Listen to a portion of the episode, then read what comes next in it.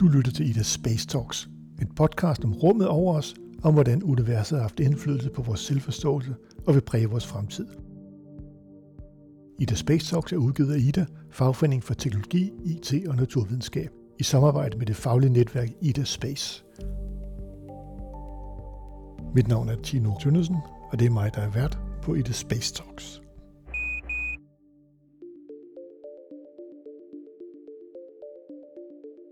Hvad gør man med gamle satellitter og andet rumteknologi, når det er brugt op eller gået i stykker? Og hvad gør man med en hel rumstation? I denne episode handler det om rumskrot. Og det er fordi rumskrot er en stigende trussel mod vores rumfart og vores planet. Men hvad er rumskrot egentlig? Og hvordan påvirker det vores rummissioner og vores sikkerhed? Hvor mange stykker rumskrot svæver der egentlig rundt om jorden? Og har vi også rumskrot nede på jorden, og hvad gør vi af det der? Til at fortælle os om alt dette, så har jeg inviteret Michael Linden Vørnle fra DTU Space i studiet. Velkommen, Michael. Tak for det. Man kan vel godt sige, at rumskrot er et af dine favoritområder. Ja, det kan du godt kalde det. Altså, jeg bruger meget af min tid øh, for tiden med det, vi kalder for rumsikkerhed. Øh, rumsikkerhed, det handler grundlæggende set om alle de trusler, der kommer mod os fra rummet, og det gælder både de naturlige og de menneskeskabte. På den naturlige side, der taler vi for eksempel om soludbrud, som kan skabe smukt nordlys, som vi har set en del af her på de, i de senere måneder, øh, men som også kan skabe forstyrrelser i elforsyning og radiokommunikation og den slags ting. Øh, og så er der asteroider og kometer, som kan ramme vores planet. Jorden bliver hele tiden ramt af materiale fra, fra rummet. Øh, det meste er så småt, det nærmest ikke engang kan lave et stjerneskud, men indimellem kommer der større klumper, og det skal vi selvfølgelig kunne beskytte os imod. Øhm, og så er der partikelstråling, som, som jo primært er et problem for, for øh, astronauter i rummet og for øh, satellitter, men som også kan være et problem for flybesætninger, der flyver meget hen over for eksempel polerne. Og den sidste ting, og det er jo så det, vi skal tale om i dag, det er jo så rumskrottet, altså det øh, forureningsproblem, som vi mennesker selv skaber kvæg vores aktivitet i rummet. Lad os tage fat i det med det samme igen. Hvad er rumskrot egentlig? Jamen rumskrot, det er grundlæggende set affald i rummet, som er et resultat af, at vi mennesker, vi har i mange år, siden 1957, har sendt ting øh, ud i rummet, som altså er blevet derude i kredsløb. Vi har også sendt ting ud, som så er faldet ned igen. Men, øh, og det kan være alt fra hele satellitter, som ikke længere fungerer, som simpelthen bare er døde og ligger derude og svæver rundt, det kan være rakettrin, altså stumper i forbindelse med raketopsendelser, stumper af raketter, øh, og så er det fragmenter af satellitter og raketter, øh, der kan være gået i stykker på forskellige måder.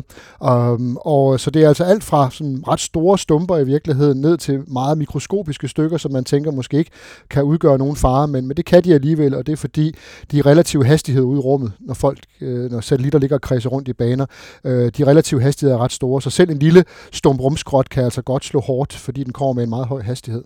Det er nemlig stor hastighed, og det kan jo være farligt, for især for rumstationen. Vi hører tit, at, at rumstationen må lave en undvinmanøvre for, mm. på grund af et eller andet. Ja, man har, man har simpelthen gjort det, man har defineret en sikkerhedszone rundt om rumstationen, det man kalder the pizza box, for den har form ligesom en pizzakasse. Mm. Øh, og, og der kigger man så på, at der er et stykke rumskrot, der har en vis sandsynlighed for at komme ind i den her boks, og hvis der er et stykke, større stykke rumskrot, der har risiko for at komme ind i boksen, så øh, gør man det, så kan man vælge for eksempel at ændre rumstationens bane. Jo. Det var faktisk det, der i 2015, da Andreas Mogensen kunne på sin første mission til rumstationen, øh, endte med, at han skulle sidde noget længere tid i Soyuz-rumskibet, simpelthen fordi man øh, før opsendelsen, der havde man simpelthen ændret rumstationens bane, der blev løftet for netop at undgå en potentiel kollision med rumskrot, øh, som så gjorde, at man ikke kunne flyve op med på 6 timer, men altså skulle bruge øh, flere døgn på at, at komme op til rumstationen, fordi den simpelthen var blevet løftet i sin bane. Så det forlængede simpelthen hans, hans tur derop ja. med flere dage. Jo. Ja, ja, kan man sige. Ikke? Det må have været trist for ham jo. Det var noget med at sidde med benene tæt sammenfoldet. Ikke? Det, der var ikke så meget plads til begejstring i den der Soyuz-rumskib, fordi det jo faktisk var pakket til en kort tur. Jo. Så der var ikke så meget plads, man normalt kan bevæge sig rundt på, hvis man har pakket den til en, en lang tur. Ikke? Men Nej. det havde, man havde pakket den til en kort tur, men den må så flyve den lange tur i stedet for. Nu siger du satellitter og fragmenter og sådan Er, er der også værktøj for rumstationen, som bliver tabt, når mm. der er øh, rumvandringer. Er det helt ned i sådan noget også? Det er det bestemt også, og der er også et, et Hasselblad-kamera, der blev tabt på et tidspunkt, og okay. Hasselblad, de udlovede faktisk, at hvis man kunne bjerge det her Hasselblad-kamera i, i kredsløb om jorden, nu kan jeg ikke huske, om det så faktisk burde være genindtrådt, men altså, så ville man have fået et Hasselblad-kamera tilsvarende, men i massivt guld.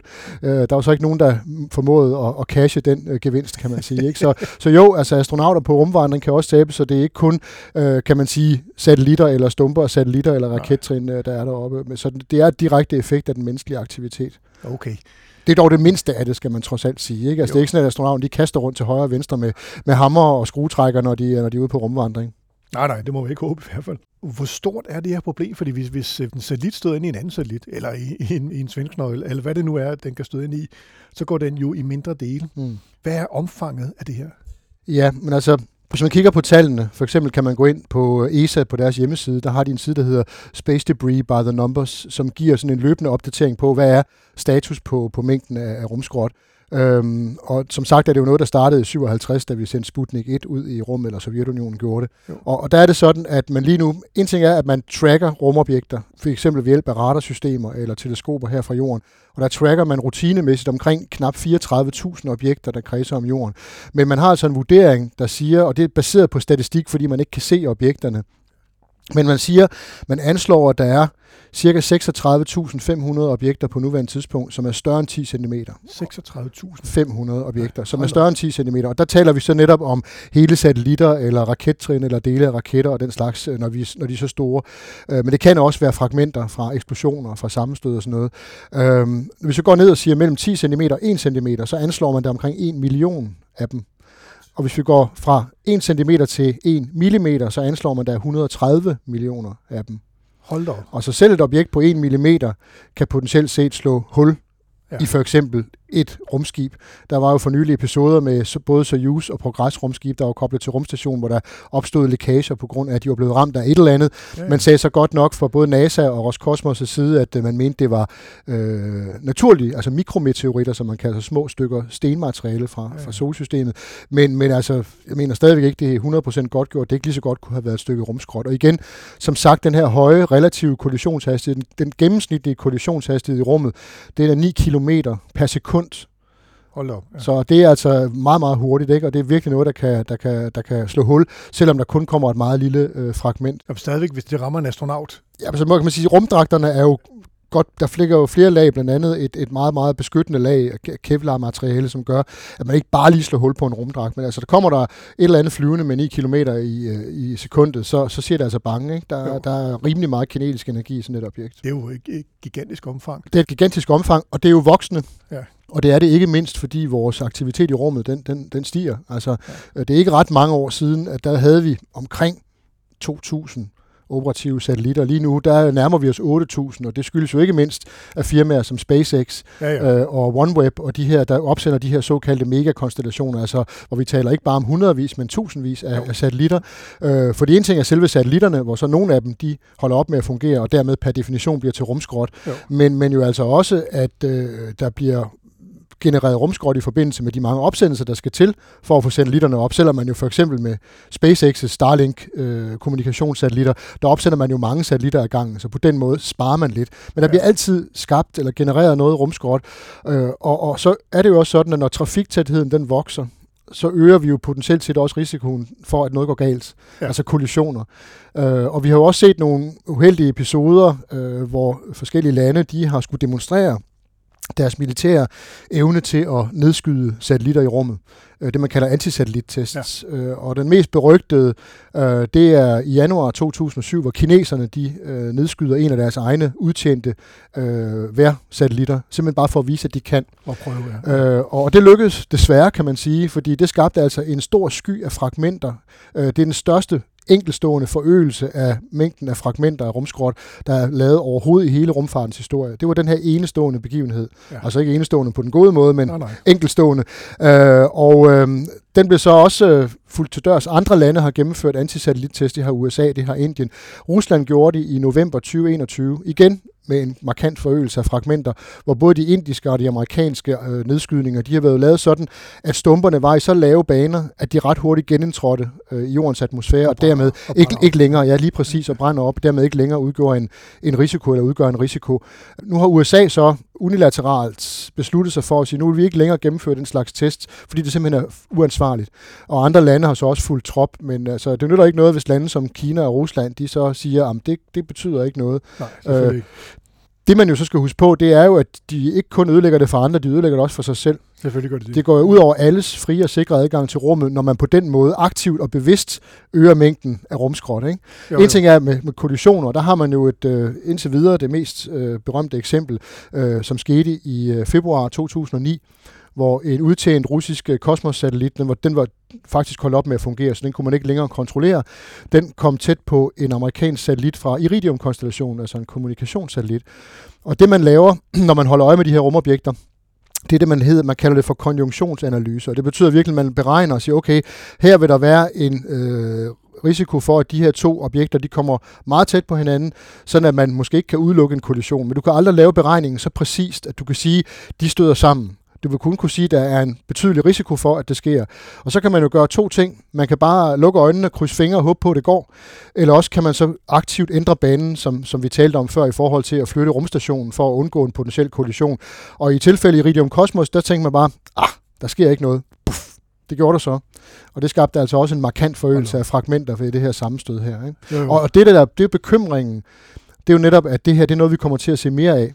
Jo. Fordi vi kan altså ikke tåle ret mange af den her slags begivenheder, for at vi kan udløse det, som man kalder for Kessler-syndromet. At det rammer flere og flere, og det skaber flere og flere fragmenter. Lige præcis. Altså det bliver sådan en kædereaktion, eller en, sådan en, en kaskade. Og det er jo meget fint vist i uh, filmen Gravity, øh, ja. hvor man ser, hvordan det er netop også en, en russisk antisatellittest, der starter jo, jo. kædereaktion, hvor man så ser, at ting bliver ramt, og så kommer der flere fragmenter, der rammer andre ting, og, og så er mm, sige, øh, ja, forestillingen simpelthen, at man ender med, at, at rummet nærmest bliver utilgængeligt. Jo. Og det var NASA-forskeren Don Kessler, der lancerede det her tilbage i 1970'erne, og, og der var ingen, der rigtig har tænkt, at der kommer vi aldrig til. Der er simpelthen for god plads i rummet. Det kommer ikke til at ske.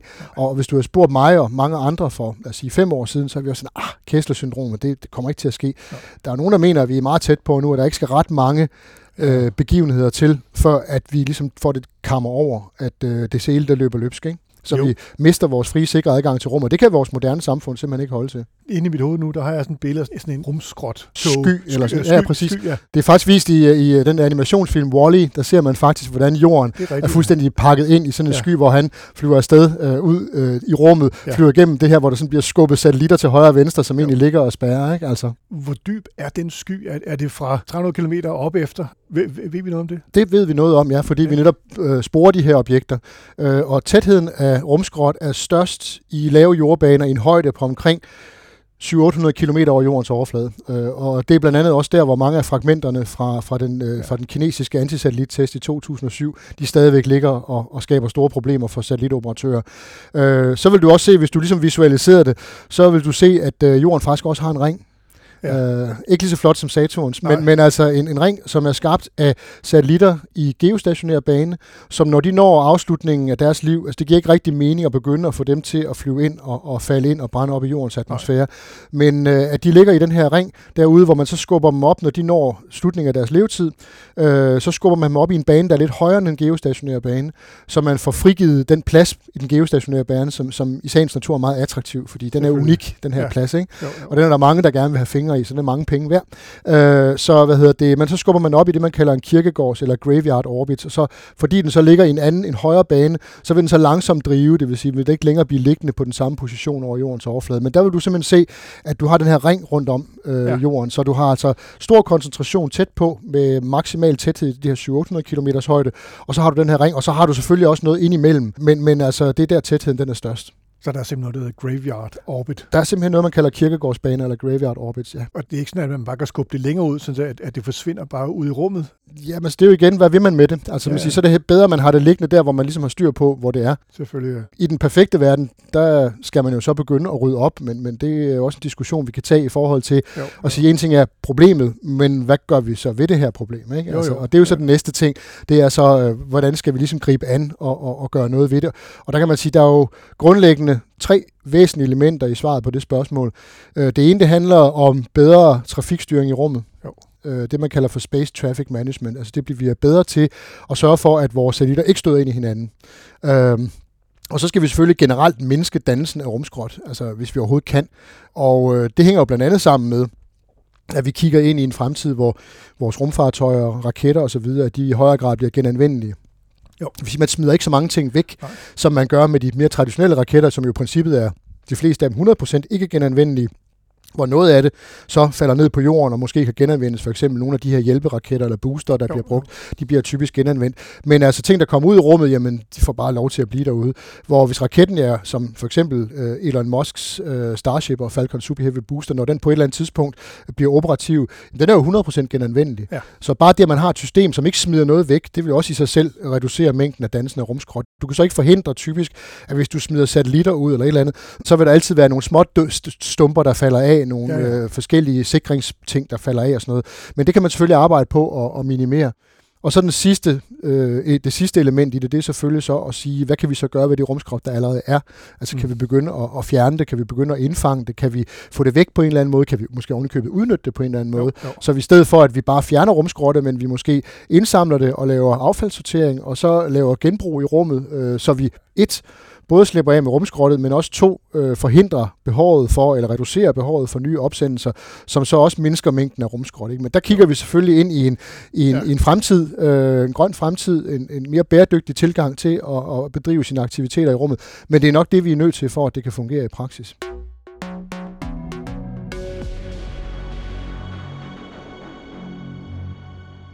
Hvad er det allerstørste stykke rumskrot der? Ved man det? Det er sådan set et godt spørgsmål, men der er jo hele rakettrin. Altså, der er jo for eksempel, øh, hvad hedder det, øh, tredje trin fra, fra Apollo-missionerne. For nogle år siden, der opdagede man øh, noget, som man tænkte, ej, jorden har simpelthen en ekstra måne. Man opdagede et objekt, som, som jo til tider var viste sig ved beregninger i kredsløb om, om jorden midlertidigt, og så var det faktisk virkelig også i kredsløb om solen. Og, og det viste sig faktisk, da man så øh, analyserede det ved at se på, hvordan det reflekterede lys, så kunne man se, det reflekterede lys på samme måde som den hvide maling på Saturn 5-raketterne. Ja. Og det viste sig så ved beregninger, at man kunne nå frem til, at det formentlig var, var tredje trin fra, øh, fra Apollo 17, altså den sidste bemandede mission til månen, ja. at det var dens tredje rakettrin. Og det er jo sådan et forholdsvis stort øh, ja, rakettrin. Ja. Øh, ellers har der jo været sådan, man siger, en, en lidt mere kedelig ende af den historie øh, med kineserne og deres opsendelser med deres raket af typen Long March 5B, øh, mm. øh, som jo er et, meget, et stort, meget stort rakettrin. De har brugt den til at opsende øh, modulerne til deres rumstation Tiangong, øh, hvor de så lader det her rakettrin falde til jorden, øh, hvor der er jo godt, der har været diskussioner, er det virkelig ukontrolleret, eller er det kontrolleret, men altså, oh, jo. det har ligesom fremgået, det nok de har nok ikke helt havde styr på, hvor det faldt. Første gang, man testopsendte sådan et, øh, et sub, øh, hvad hedder det, Long March 5B, der var der faktisk øh, stumper fra øh, rakettens genindtræden, der, der havnede i øh, og ramte nogle landsbyer i Elfenbenskysten i Afrika. Øh, heldigvis var der ikke nogen mennesker, der kom til skade. Der har endnu ikke noget dokumenteret tilfælde af, at et menneske er blevet slået ihjel af rumskrot. Der er et kvinde i USA, så vidt jeg mener, mener at huske, som blev ramt og fik altså en, en lesion, ikke? Men, men altså, der er ikke mennesker dokumenteret, der er slået ihjel af rumskrot, der har ramt jorden. Men det kan være, det kommer. Endnu. Desværre. Ja, ja, altså, ja, ja.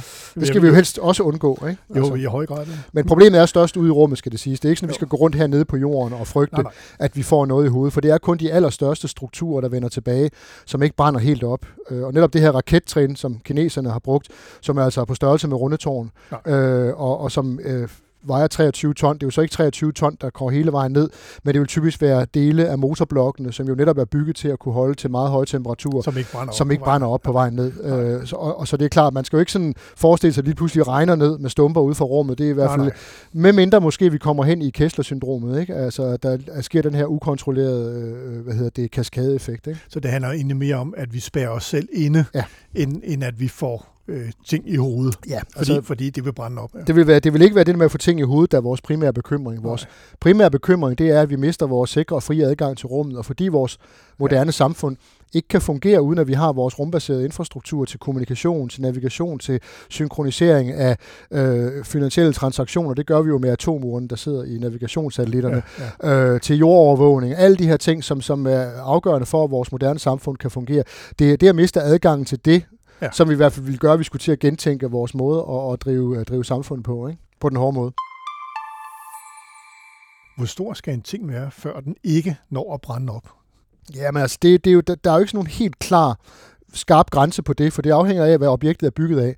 Det er klart, hvis det er bygget i højst øh, vid udstrækning af varmeresistente materialer, for eksempel titan og den slags ting, så vil det være mere modstandsdygtigt, end hvis det bare er bygget af aluminium, fordi så skal det nok ja, brænde ja, op. Ikke? Øhm, så derfor er det typisk, som sagt, hvis det er raketter, vi taler om, så vil det typisk være motorerne, øh, som vil kunne overleve turen ned gennem atmosfæren. Men sådan en motorblok kan jo altså også veje meget. Det kan jo godt svare til, at man får en bil i hovedet, og det har man jo ikke lyst til. Så, så hvad hedder det? Så, altså det, det, man kan ikke rigtig sætte sådan en helt entydig grænse på, for det der afhænger netop af, hvad er det for en type objekt, hvad det er lavet af, hvad det er lavet af og så videre. Ikke?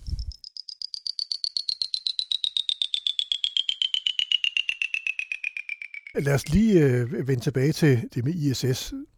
Jeg læste, at når nu ISS øh, skal pensioneres om nogle år, så vil man styre det hen mod det, der hedder Point Nemo. Ja, men det er virkelig også en, en, en rumskibskirkegård eller satellitkirkegård. Ja. Uh, man har sagt, at uh, når vi har objekter, som genindtræder jordens atmosfære, som netop er så store og så tunge og opbygget af materialer, der gør, at vi med en ret stor sandsynlighed kan sige, at de vil simpelthen ikke brænde op. Og vi ved, at der kommer fragmenter mm så må vi jo sørge for, at de lander et sted, hvor, hvor de gør mindst mulig skade. Og det har man så identificeret som et område i det sydlige del af Stillehavet. Ja. Så man simpelthen siger, men der, der er ikke noget, man kan ramme. Der er ikke noget beboelse, der er ingen øh, øer. Øh, og hvis der er en, en fisker, der er forvildet sig derhen, så, så, er det, så er det hendes egen fejl. Ikke? Altså øh, meget groft sagt. Ikke? Men, men, men simpelthen sagt, det her det er det område, hvor, hvor vi med mindst mulig skade øh, eller mindst mulig risiko for skade, kan lade ting styrte ned. Øh, men det kræver jo så selvfølgelig, at det er en kontrolleret genindtræden. Jo, jo. Øh, fordi som øh, vi talte om før med det her kinesiske rakettrin, hvis ikke du har styr på dit rakettrin, jamen så falder det jo bare et eller andet sted langs den bane, det nu tilfældigvis har. Ja. Øh, og, og så kan man jo sige, ja ja, men jordens overflade er for det meste dækket af vand, og langt de fleste af de områder, der ikke er dækket af vand, de er ubeboede. Omvendt så er det sådan, at så har vi mennesker en tendens til at klumpe os sammen, så, vil sige, så bor ja, vi ja. i store byer, typisk tæt ved kysterne. Øh, så hvis det så rammer der, så står det også potentielt set mange mennesker ihjel. Ikke? Så, jo, jo. Men, men grundlæggende set, så har man så sagt, det her område i det sydlige Stillehav, der vil det, det vil alt andet lige være det sted, hvor, hvor øh, nedstyrtende objekter fra rummet vil gøre mindst skade. Og det så jo. vi også for eksempel anvendt, da, da den øh, sovjetiske og senere russiske rumstation Mir blev taget ned i, øh, i marts 2001 så styrede man den ind over på en Nemo. Så man ved, ja. så man ved, at det kommer ind, og ja. så vil det fragmenterne genindtræde på en sådan måde, at selvfølgelig kan man ikke sige præcis, hvor de lander, men der vil være et eller andet område, som typisk jo, jo. har form som en ellipse, og sige, inden for den her ellipse, der vil stumperne, de vil med meget stor sandsynlighed falde her indenfor. Ikke? Altså, fordi det, det der problem er, når man først træder ind i atmosfæren, og det pludselig er aerodynamik, der begynder at styre, det ikke længe bare er banedynamik i rummet, ja, så, øh, så, så, så kan du ikke rigtigt, fordi du ved ikke præcis, hvordan fragmenterne de vil tumle, og hvordan de vil gøre osv. osv. Så, så, men man kan jo sige, inden for et vist område, kan man sige, hvis man bare ikke befinder sig der, så får man altså ikke noget i hovedet, vel? Og, og det er det område på jorden, hvor der er mindst mulig chance ja. for, at der er mennesker, fordi der er, det er der, hvor der er længst til alt. Simpelthen. Plus ja. samtidig med, når man så gør sådan noget, så bliver der selvfølgelig også udsendt nogle varsler til skibsfarten og sige, altså i den her periode skal man holde sig væk fra det her område, fordi ellers er der risiko for, at man får noget øh, i hovedet. Ja, får man en rumstation i hovedet. Ja, for eksempel. Og det, okay. det, det er nok de færreste, der har lyst til at få det. Ikke? Altså. Det vil sige, at man styrer rumskrot hen over stillehavet ned i Point Nemo, hvor lang tid har man gjort det, og hvor meget ligger der så på bunden af, af havet? Jamen, det har man efterhånden gjort i, i mange år, så der ligger jo givetvis en del stumper dernede. Øh, og, og, altså, men det er, jo, det er jo dybt vand. Jeg kan ikke huske vanddybden, men der er langt ned til bunden der. Ikke? Ja. Øh, og der er jo så vidt jeg ved heller ikke nogen, der for eksempel har gjort forsøg på at bjerge stumper af rumstation Mir. Øh, for man skulle tænke, det kunne man sikkert godt øh, sælge og få nogle penge for, hvis man øh, kunne ja. sige, at det her det er fragmenter fra rumstation Mir. Ja. Så, så det er åbenbart ikke noget, som, som, som har været attraktivt øh, i forhold til at, at gå efter. Nej. Okay, det vil sige, der kan jo, der kan jo faktisk lægge mange ting dernede. Er, er det også øh, små ting, man styrer dernede der, eller er det bare de her store, kontrollerbare ting? Altså, det er jo kun ting, hvor du med rimelighed kan sige, at der er en sandsynlighed for, at stumper vil overleve tur ned gennem atmosfæren. Øh, for ellers er der ingen grund til at gøre det. Øh, men hvis, hvis, hvis, hvis rumobjektet er stort nok til at sige, der er en risiko for, at fragmenter vil overleve, så vil man, så vil man gøre det. Okay. Ved man noget om de miljømæssige konsekvenser af det? Fordi jeg tænker, for eksempel amir, der må have en masse farlige ting i sig, øh, metaller og, og hvad det ellers er, som så bare ligger nede på havbunden nu. Er der lavet nogle undersøgelser med det? Altså, jeg har ikke set nogen undersøgelser, men jeg ved, at emnet har været diskuteret, og, og det er jo helt legitimt. Der er også en diskussion af de miljømæssige konsekvenser af raketopsendelser. Jo. Altså også specielt fordi frekvensen går op og siger, hvad har det egentlig af betydning, at vi sender mange raketter op og afleverer en masse både drivhusgasser, øh, partikelforurening og andet i atmosfæren og mm. den slags ting. Men, men altså, man kan sige, sammenlignet med, og det er ikke for, at man skal, man skal ikke øh, løse et problem med et andet, men sammenlignet med, hvad der ellers bliver dumpet i havet af ting og sager, så, så tror jeg, at det her det er altså et, et forsvindende lille miljømæssig belastning. Ja. Det er ikke det samme som at sige, at man skal negligere det, fordi Nej. enhver miljømæssig belastning er uønsket. Men altså, det er, øh, undskyld udtrykket, en dråbe i havet. Øh, men jeg har ikke set nogen kvantitative beregninger, eller kvantitative for den sags skyld, øh, af at sige, øh, hvilken miljømæssig effekt kan det have. Men altså, det er klart, hvis der er alle mulige forskellige materialer, som ligger nede på havbunden og bliver frigivet til omgivelserne, så kan det selvfølgelig have en effekt på, på, på det liv. Ja. Nu er mængden af liv ved så stor vanddybde beskeden, men igen, det er ikke nogen undskyldning for ikke at tage problemet alvorligt. Nej, nej, selvfølgelig. Selvfølgelig ikke. Men det er en, en pointe, at det er, øh, at det faktisk er en meget øh, lille del af alt det, der bliver dumpet her. Ja, heldigvis er det jo også noget, vi er bevidste om, at det skal vi lade være med generelt. Jo. Altså, det er jo en ting, der har udviklet sig med, at vi har fundet ud af, at vi skal lade være med at smide affald i naturen, vi skal lade være med bare at dumpe ting i havet, fordi tænk, der er plads nok. Ja. Og nu har vi lidt den samme diskussion i forhold til rummet. Ikke? Altså, så jo, jo. hele den her bæredygtighedstankegang, den, den, den propagerer jo langsomt igennem vores forhold til den måde, vi, øh, vi behandler naturen på. Og det er ligegyldigt, om det er tale om landjorden, eller havet, eller, eller rummet. Men når nu, at man nu vil pensionere ISS, er der ikke noget der, man kan genbruge, sådan så man ikke skal styre så meget hen til på en Nemo? Eller hvordan, hvordan er det med det? Jo, men det er jo så den her tanke om, at øh, i stedet for, at vi bare smider ting væk, eller prøve at komme af med dem ved at ja. få dem til at brænde op i jordens atmosfære i det omfang, det kan lade sig gøre. Altså problemet er, at hvis de er ukontrollerede, så kan vi ikke gøre noget ved det, så, så kommer ja, de uanset hvad vi gør. Øh, med de kontrollerede, der kan man jo godt vælge at lade være. Det er jo sådan med ISS, at den bliver naturligt bremset af atmosfæren, selv i et højde på 400 km over jordens overflade, og skal med jævne mellemrum have boostet sin bane, for ellers så vil den falde ned af sig jo, selv. Jo, jo. Øh, så selvom der ikke er meget atmosfære i 400 km højde, så er der alligevel noget. Men, men det taler jo lidt ind i den her fremtidsvision, som jeg også øh, nævnte før, med mm. at i stedet for bare at prøve at komme af med rumskrotte, jamen så lad os dog indsamle det, lad os øh, affaldssortere det, og lad os bruge det igen. Ja. Det kræver jo så bare, at vi får etableret faciliteter i rummet, der ja. kan gøre det. Jo, øh, og, jo. og det er jo ikke noget, vi hverken lige ser manifesteret i morgen eller i overmorgen. Formentlig ikke noget, som ligger inden for ISS' forventede levetid. Lige nu taler man jo om en levetidsforlængelse frem mod 2030. Jo. Øh, og og det, der er ikke lang tid til 2030, vel? Altså nu taler vi 2023, ikke? Så det her med at forestille sig, at man inden man når dertil har etableret produktionsfaciliteter, hvor man kan indsamle, sortere Nej. og genanvende, for eksempel 3D-printe nye øh, elementer til rumstationer osv., øh, det, det ser jeg ikke som en realistisk øh, mulighed, medmindre man investerer umådelige summer i det. Så, så det tror jeg ikke, vi når med ISS, men det er jo den fremtid, vi gerne kigger ind i, hvor sige, øh, alt det rumskrot, vi kan samle ind, og der er jo desværre ikke sådan en one size fits all. Altså, nej, der er ikke én nej. teknologi, der kan klare alting. Fordi nej. større stykker rumskrot, jamen den kan man jo indfange med en, et rumskib, der så kan transportere det hen til, hvor man nu vil have det hen. Ja. Enten få det ned i atmosfæren og få det til at brænde op. Uh, man har for eksempel forsynet på den, den, den sidste servicemission til rumteleskopet Hubble, bliver den jo forsynet med en adapter, så den kan få koblet en motor på. Så den dag, man vil gerne have rumteleskopet Hubble ud af bane, uh, så kan man altså gøre det kontrolleret, fordi rumteleskopet Hubble er ikke udstyret med motorer som sådan. Uh, men det er jo sådan et eksempel på, at man har udvist, kan vi kalde det rettidig omhu, og sige, vi ved, det her store rumobjekt, på et eller andet tidspunkt skal vi have det ned, ja. så kan vi gøre det kontrolleret øh, ved at koble en motor på. Øh, men, men altså så større objekter, de kan jo håndteres, fordi de netop er større, og jo mindre objekterne bliver, jo sværere bliver det simpelthen, fordi du kan ikke indfange dem. Vel? Altså, der har jo været forskellige teknikker på tale, altså kæmpe store net, som bliver brugt til det. Øh, der er også tanker om at bruge lasersystemer, som simpelthen rammer de her forvejen små stykker, så de bliver så små, at de ikke længere kan udgøre nogen fare, men simpelthen får dem til at fordampe. Der vil okay. jo stadigvæk være, materiale forsvinder jo ikke øh, ud af universet, men det vil være så småt, at det ikke længere øh, har nogen som helst effekt, selvom det har en høj relativ hastighed i forhold til det. Så, så man kan ikke sådan opfinde en maskine, der kan nej, løse problemet. Nej. Altså, der er ikke den der ultimative øh, professor Balthasar eller georgioløs løsning til det. Det bliver en kombination af mange forskellige teknologier, øh, hvor man jo så også kigger ind i, at de enkelte øh, rumfartøjer selv i højere grad skal blive bedre til at øh, håndtere udfordringer. Altså SpaceX og Starlink for eksempel, de øh, er udstyret med en høj grad af autonomi, således at de selv er i stand til også at tage stilling til at lave for eksempel manøvrer, der gør, at det mindsker risikoen for, for, for kollisioner. Jo der skal jo så sige, at den problemstilling er jo voksende, det som jeg talte om før med Space Traffic Management, fordi hvis du så forestiller dig, at du får en satellit til at ændre bane, uanset om den gør det via beslutning i et kontrolcenter på jorden, eller satellitten selv finder frem til, at nu skal den ændre sin bane, så kan det godt være, at man potentielt set afværger en kollision, men risikoen er så også, at man har måske skabt så muligheden for 10 nye potentielle kollisioner. Selvfølgelig. Fordi at det, det, er ligesom et kæmpemæssigt skakspil med, med mange, mange flere brækker, end man lige kan overskue, hvis man nu laver det her træk.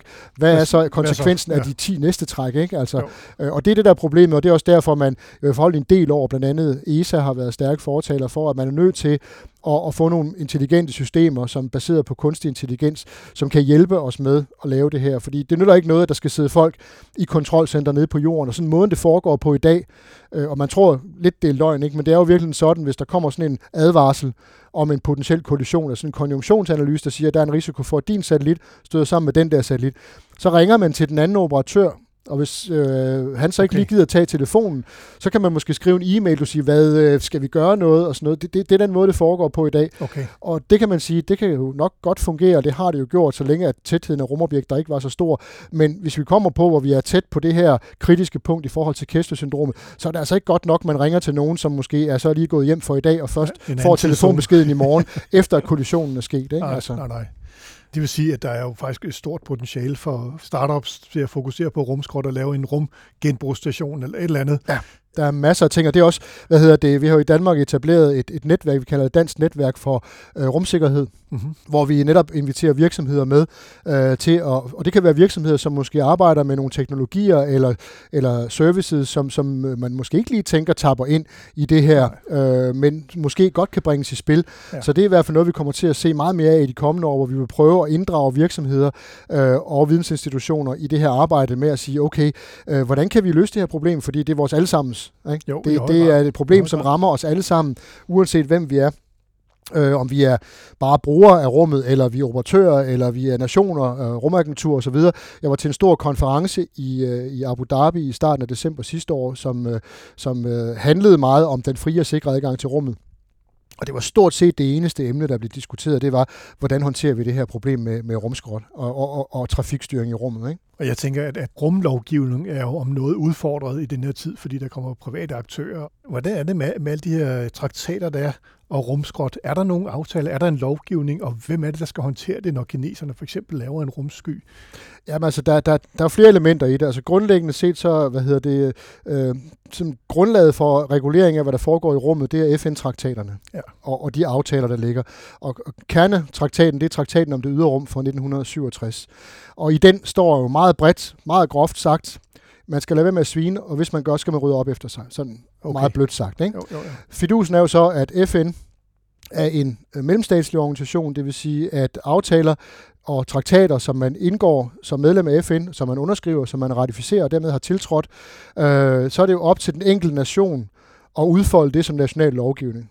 Det er jo ikke så mange år siden, vi i Danmark fik en rumlov, vores første rumlov, øh, netop baseret på Danmarks, øh, hvad hedder det, øh, det, at vi har tiltrådt traktaten om det ydre rum og nogle af de andre øh, konventioner, der er. Øh, og, og der er det jo så op til den enkelte nation at beslutte, hvordan det her skal udfoldes. Det her med, at man ikke må svine, man skal rydde op efter sig. Ja, ikke? Ja. Så, så det er jo op til nationale øh, lovgivende forsamlinger at bestemme, hvad skal der stå i loven, og hvordan skal det så også håndhæves? Altså det, der jo sker, for eksempel i USA, når nu Elon Musk han kommer og afleverer en ansøgning til de federale luftfartsmyndigheder, det er FAA, altså Federal Aviation Authority i USA, der skal, komme, der skal godkende øh, opsendelser.